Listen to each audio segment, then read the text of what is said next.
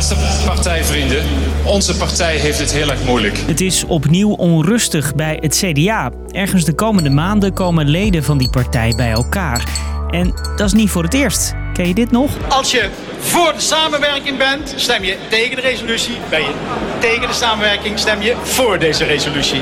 Duidelijker kan ik het niet zeggen. Binnen het CDA zijn er problemen. En die gaan vooral over één persoon. Pieter Omtzigt. Pieter Omtzigt. Pieter Omtzigt. Kamerlid en inmiddels oud-CDA Pieter Omtzigt. Wat is er aan de hand en waarom zorgt dat voor grote problemen binnen het CDA? En wat betekent het voor de formatie van een nieuw kabinet? Ik ben Marco en ik leg het je uit. Lang verhaal kort. Een podcast van NOS op 3 en 3FM. Harde verwijten van Pieter Omtzigt in een vertrouwelijk document gericht aan zijn eigen partij. Leden van het CDA willen een extra partijcongres om de crisis rond Kamerlid Pieter Omtzigt te bespreken. Onrustig dus binnen het CDA. En het heeft alles te maken met Pieter Omtzigt. Die naam kwam al vaker voorbij. Sterker nog, we hebben er al eens een podcast over gemaakt. Aflevering 22, weet je nog? Dus, lang verhaal kort. Pieter Omtzigt van het CDA beet zich vast in moeilijke dossiers. En nu draait het dus weer om hem. En vooral om een memo die hij schreef. Geen klein briefje, maar een pakket van 76 pagina's waarin hij vertelt wat er binnen het CDA volgens hem allemaal misgaat.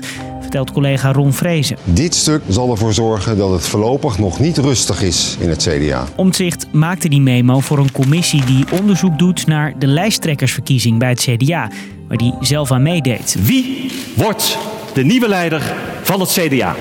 Hugo de Jonge! Omtzigt verloor dus en heeft altijd twijfels gehad over de uitslag. Via de krant De Limburger lekte vorige week de memo uit. Maar wat staat er nou in?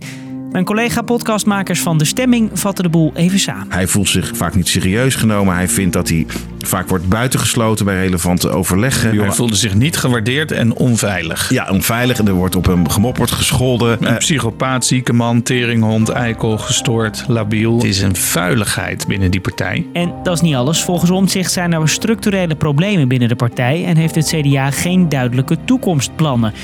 Ook zegt hij dat toen Hugo de Jonge stopte als lijsttrekker, hem het leiderschap was beloofd. Maar het werd Wopke Hoekstra. Uh, ik denk dat het een goed idee is als uh, Wopke uh, de partij gaat leiden. En de politicus heeft het over sponsoren die vlak voor de verkiezingen grote geldbedragen overmaken aan de partij en zo invloed hadden op de verkiezingsplannen. Dat laatste is volgens het CDA zelf complete onzin.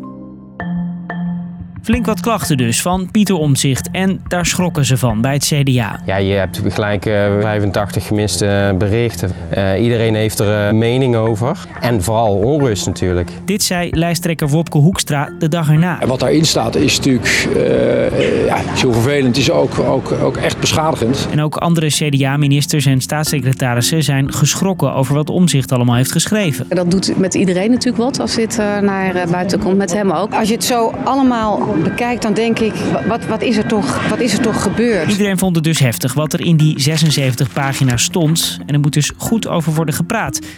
Maar daar wilde Omtzigt niet op wachten. CDA-kamerlid Pieter Omtzigt stapt uit de partij. Dat heeft hij vanmiddag in een tweet bekendgemaakt.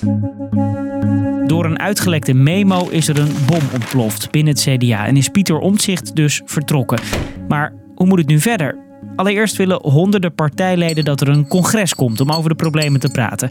Want een CDA zonder omzicht, dat is volgens sommigen geen optie. Ze willen dat de partij het met de politicus gaat praten in de hoop dat er nog wat te lijmen valt. Omtzigt is een christendemocraat in harde nieren, dus die hoort bij het CDA. Wij roepen het bestuur op om echt nu werk te maken van die vernieuwing, grondig onderzoek te doen en ook echt een uh, lijnpoging met Pieter Omtzigt te doen. Uiterlijk in september is er een CDA-congres. En er is er ook nog de formatie van een nieuw kabinet. Ja, u zult wel begrijpen dat ik de afgelopen dagen natuurlijk echt uh, met de partij ben bezig geweest. En even helemaal niet met de formatie. Heeft het gedoe in de partij en het vertrek van Omtzigt daar nog invloed op? Het CDA verliest één zetel in de Kamer.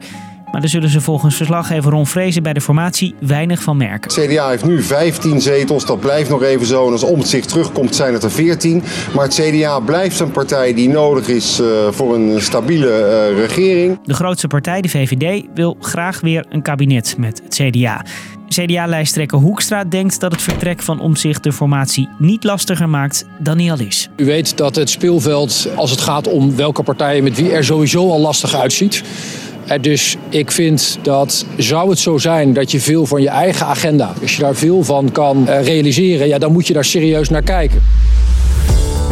Dus, lang verhaal kort, door een uitgelekte memo die Pieter Omtzigt schreef, is het opnieuw onrustig binnen het CDA. De politicus heeft veel kritiek op hoe dingen nu gaan binnen de partij. Een deel van de partijleden is het daarmee eens en vindt dat er iets moet veranderen.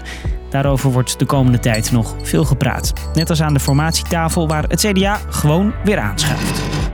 En dan beginnen we nu aan het lang verhaal kort partijcongres. Ben jij voor een nieuwe aflevering morgen? Als u voor deze resolutie bent, dan vraag ik u om uw stemboekje, zoals u dat in uw hand hebt, omhoog te steken. Nou, Als u voor deze resolutie bent. Ja, de resolutie is aangenomen. Dat is mooi. Morgen is lang verhaal kort rond 5 uur weer van de partij in je favoriete podcast app. Bedankt voor het luisteren.